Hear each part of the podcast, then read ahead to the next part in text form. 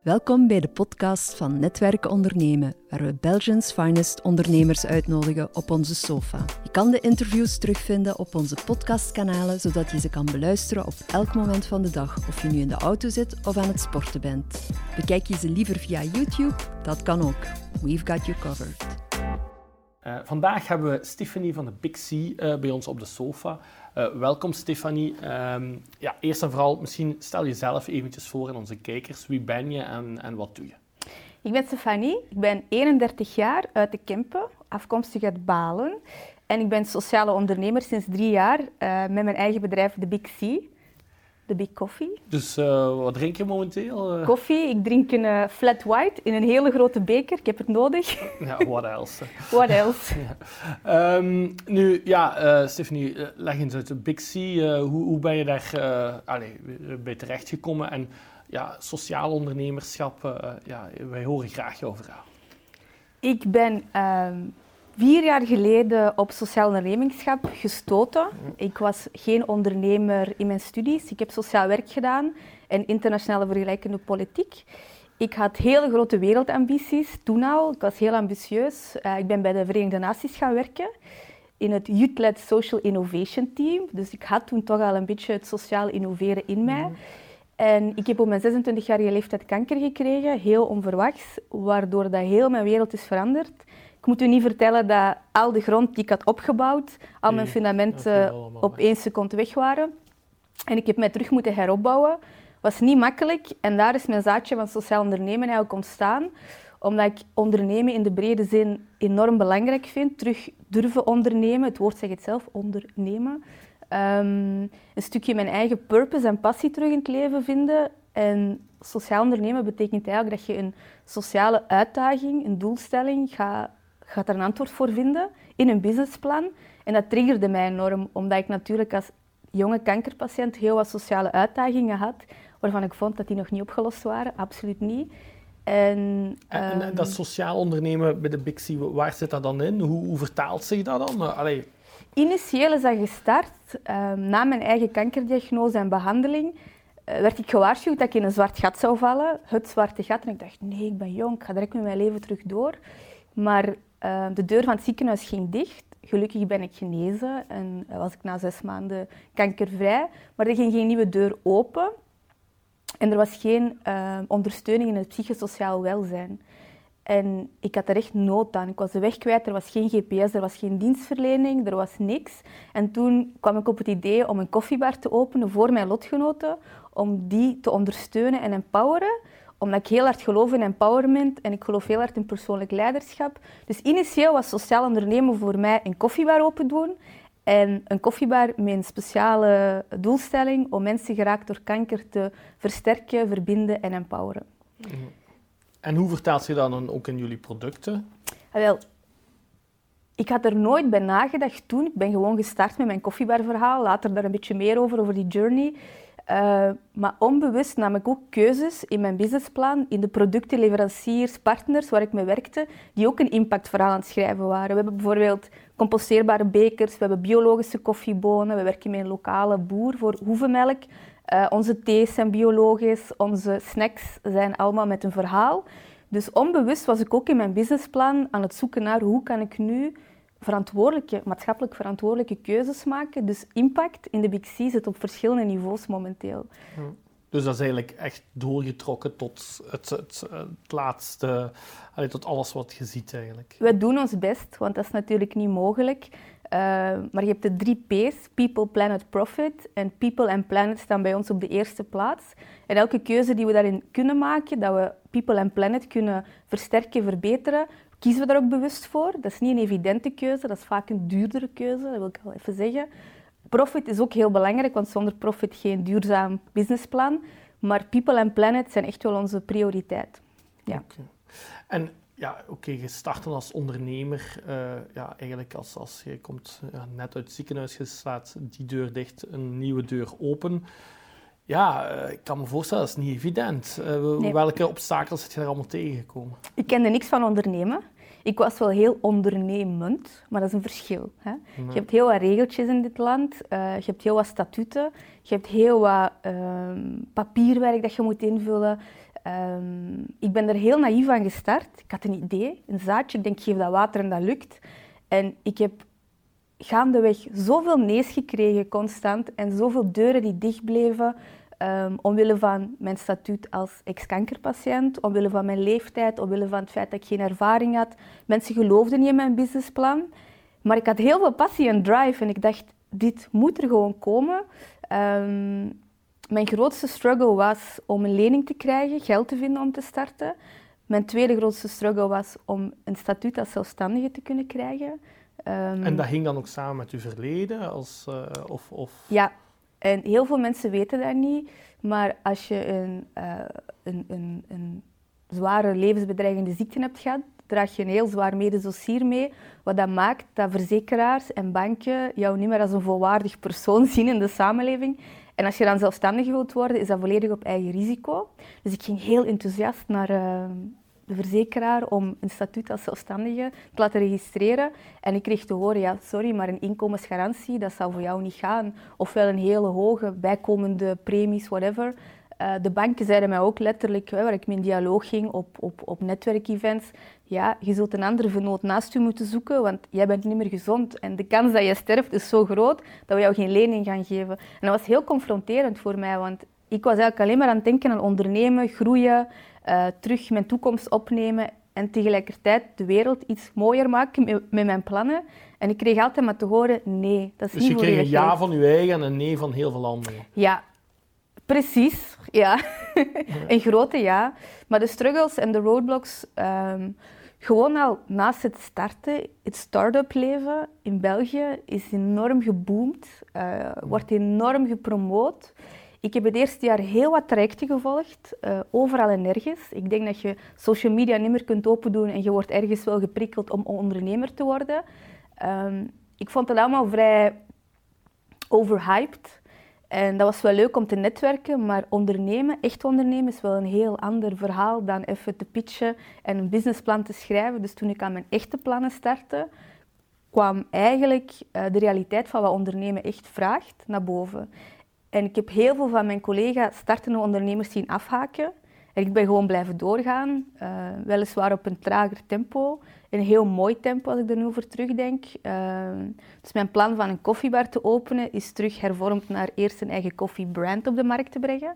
Die investering was iets lager dan een mobiele koffiebar. Konden we mobiele events doen, konden we onze brand al op de markt brengen, konden we kijken dat er een validatie was. Hè. Is dit gewenst? Ik heb mijn logo en mijn slogan een paar keer aangepast. Uh, ben ondertussen ook gegroeid in wie ik was als ondernemer. En ondertussen heb ik twee koffiebars. Uh, heb ik een goed draaiende mobiele koffiebar uh, service. En heb ik een koffiebrand dat zowel B2B als B2C ook wel aan het groeien is. Ja. Dus voilà.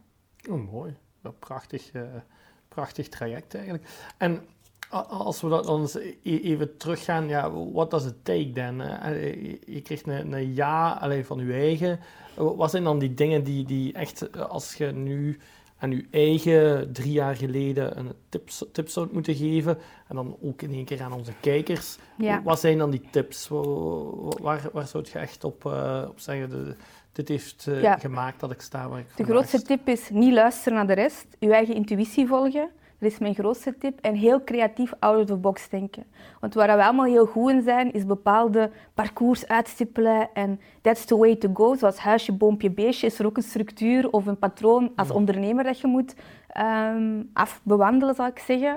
Maar dat past niet voor iedereen. Dus in mijn geval, ik kon niet statuut als zelfstandige ondernemer op die moment met de juiste veilige omkadering krijgen. Dus ik heb mijn VZW opgestart. Dat ging iets makkelijker. Mm -hmm. En ik heb mezelf op de payroll gezet als intrapreneur, als ondernemer in mijn eigen VZW. Ik ben ondertussen aan het doorgroeien aan CVBA. Dus ik heb op een heel andere manier gaan denken. Dus de nee's die ik kreeg, dacht ik bij mijn eigen, hoe maak ik er nu een ja van? Mm -hmm. En dat is wel een hele belangrijke, want ik zie dat heel veel van mijn jonge startende collega-ondernemers vaak gedemotiveerd geraken, ontmoedigd geraken en denken dit is niet voor mij weggelegd. Maar eigenlijk zijn wij als jonge ondernemers net degene die de scene aan het veranderen zijn. Er zijn ook heel wat opkomende sociale ondernemers. Dus intuïtie volgen, nee nooit voor nee aannemen en die ja gewoon zelf realiseren. Ja, en je zei er net ook van, ehm, je krijgt dan toch een deel uh, een stempel mee ehm, als, als, uh, als patiënt. Ja. Ehm, ja, hoe, hoe, kunnen we daar als maatschappij uit leren? Of wat, wat, kunnen we daaraan doen? Dat is een hele belangrijke. En opnieuw, wij denken heel graag in hokjes. En heel wat mensen benaderen mij nog steeds als Stefanie de patiënt. Maar ik ben wel Stefanie, de professional, de sociale ondernemer, die toevallig een patiëntenervaring heeft. En dat is al een heel andere manier om mij te benaderen. Maar het is veel makkelijker om mij te associëren met de kankerpatiënt of ex-kankerpatiënt. En ik heb het gevoel ehm, dat, dat onze samenleving um, heel graag een label op iemand plakt. En dat die label met een bepaald beeld komt en dat je naar dat beeld moet voldoen of, of zo moet je leven. Um, het is ook geen evidente om als ex-kankerpatiënt te gaan ondernemen. Dus op zich was dat voor mij ook een journey van vijf jaar om als ex-kankerpatiënt te groeien naar succesvolle, gedreven sociaal ondernemer. Maar het is heel belangrijk, vind ik, dat de samenleving kijkt naar wat kunnen wij, wat zijn onze talenten, wat zijn onze competenties, in plaats van te kijken naar welke label hangt er bij ons. Mhm. En dat geldt niet alleen voor kankerpatiënten, maar ook andere mensen die een chronische ziekte hebben of een bepaalde beperking. Er zitten fantastische talenten tussen, hè, die ook willen ondernemen. Want wie zou er nu niet willen ondernemen, eerlijk? Is toch leuk, hè? Maar er is nu ook uh, recentelijk een, een, een, nieuwe wet van de, right to be forgotten. Um, hoe, hoe sta je daar zelf tegenover? Um, ik ben naast mijn sociaal ondernemerschap ook patient advocate, dus ik, ik uh, vertegenwoordig de stem van de patiëntenrechten.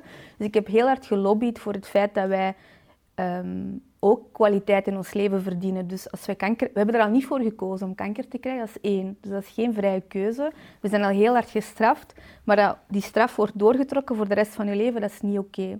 Dus we hebben heel hard gelobbyd op Europees niveau um, om vergeten te worden. Dat als medisch dossier wordt gedelete, alt delete control, zodat verzekeraars, banken, investeerders, business angels eigenlijk ons niet meer konden afstraffen.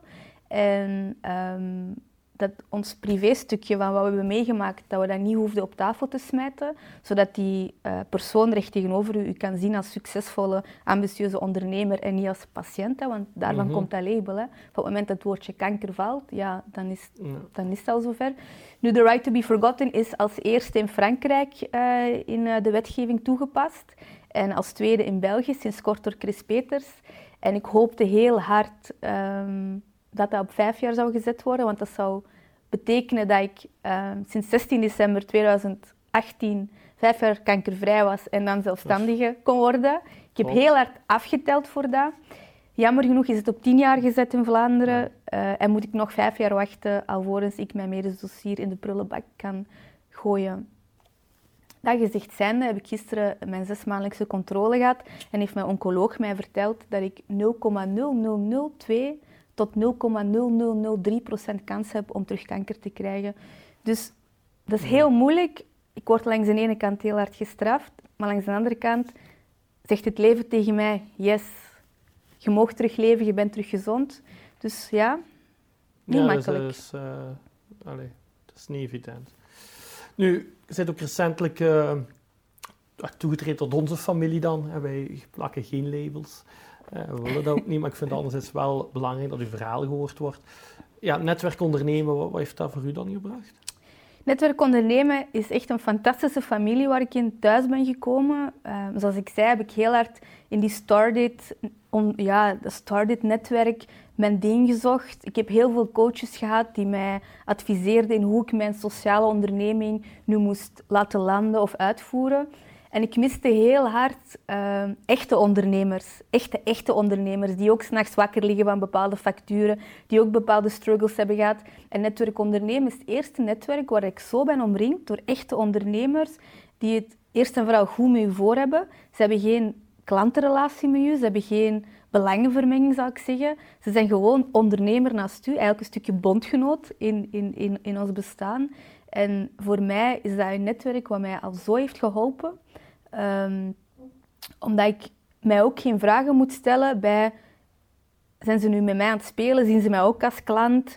Um, begrijp me niet verkeerd. Hè. Er zijn zoveel netwerken, ik ga ook geen namen noemen. Uh, maar soms loop je daar een beetje in verloren.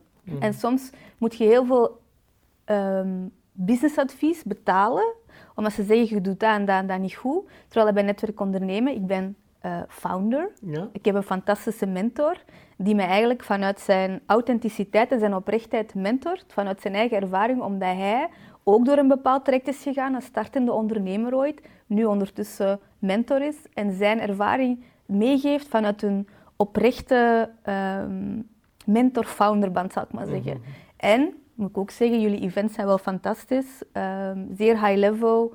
Uh, de scale-up marathons zijn, zijn, zijn marathons waar je op een halve dag zoveel leert.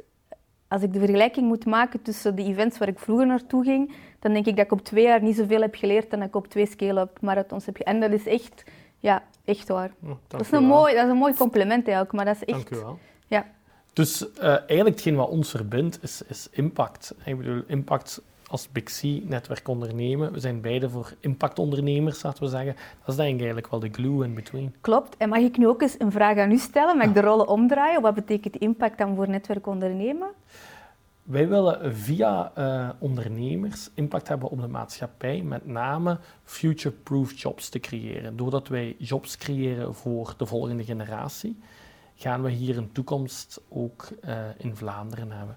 En zijn we mee met nieuwe innovaties, met dingen. En worden we hier niet het woestijn van ondernemerschap. Nee. Dus we willen dus een, een, een, ja, eigenlijk de, de maatschappij klaarstomen voor de volgende 10, 20, 30 jaar. En het gaat eigenlijk allemaal nog terug naar de oprichter van uh, uh, netwerkondernemen in Frankrijk, Réseau Entreprendre, was Mhm. André Mullier, die eigenlijk uh, de Filda-groep had, daar duizend mensen eigenlijk geen job meer voor had. Zij maakte um, wol. En in de jaren tachtig werd dat niet meer gekocht om, om thuis te breien Mhm. eigenlijk. Hè. En hij zei, ja, kijk, ik ben niet gemaakt om mensen op straat te zetten. Ik wil die mensen terug aan hun werk helpen. Ik wil zorgen dat hier in Noord-Frankrijk terug een, een toekomst is voor die mensen. Want als je mensen geen toekomst geeft, dan gaan mensen, ja, uh, dan, dan, dan geen toekomst wil zeggen, wordt depressief. Je gaat ook een, uh, de verkeerde keuzes in het leven maken. Dus die zetten people ook als prioriteit Ja. en die gebruiken dat ook als inspiratie om te gaan ondernemen, als ik het goed Ja. begrijp. En de reden waarom ik dat vraag is omdat het woordje impact de dag van vandaag heel veel gebruikt wordt. En uh, ik heb het gevoel, als ze aan mij vragen wat betekent impact, dat ze vaak impact meten op hoeveel omzet maakt je, hoeveel business heb je, echt op cijfers. Maar impact zit hem ook in de kleine dingen. Een composteerbare koffiebeker, zodat je ecologische voetafdruk verkleint. Het empoweren van iemand die een um, levensbedreigende ziekte heeft gehad, zodat je het welzijn verhoogt van die persoon, veerkracht versterkt. Dat is ook impact en dat is moeilijk meetbaar. Ik denk dat we daar nog een grote challenge hebben in het sociaal ondernemen om te erkennen dat niet meetbare impact ook belangrijke impact is. Dus het is fantastisch dat netwerk ondernemen is ontstaan vanuit een inspiratie van kijk, er is werkloosheid dat eraan komt, mensen zijn belangrijk, ik ga ondernemen. Dus we zitten zeker op dezelfde golflengte. Uh, maar ik vind het heel belangrijk dat we dat woordje impact soms eens durven definiëren, want anders gaan we, denk ik, dat voel ik in Te mijn... holle begrippen eigenlijk. Exact. Maar voilà, we hebben dat Ja. moment genomen. Maar dus we gaan niet meer over non-profit spreken, we gaan on for impact spreken. Oké, dus eh, jullie zijn een for impact onderneming Ja. en wij dan ook, en dat is dan de glue in between. En jullie doen dat, eh allee, dan denk ik voornamelijk ook, zoals je hebt gezegd, via de koffie op verschillende allee, aspecten. Het is Ja. niet altijd heel tangible, wij hebben netwerk ondernemen ook. Ja, ik denk hetgeen wat ons verbindt dan, we zijn allebei bij impact bezig en Mhm. niet enkel. En natuurlijk is eh, impact is belangrijk eh, voor ons als netwerk ondernemen ook. En voor jullie als uh, Pixie ook. Dus ik denk dat dat ons zeker en vast verbindt. Dank u wel voor uw allee, eigenlijk hele open talk en uw verhaal te delen met ons. Hebben jullie vragen, eh commentaren, kunnen jullie dat steeds onderaan onze YouTube-film delen, hier onderaan. Kan u ook steeds abonneren op ons Netwerk Ondernemen YouTube-kanaal. En dan eh, zie ik jullie graag terug voor een van onze volgende sofa-sessies.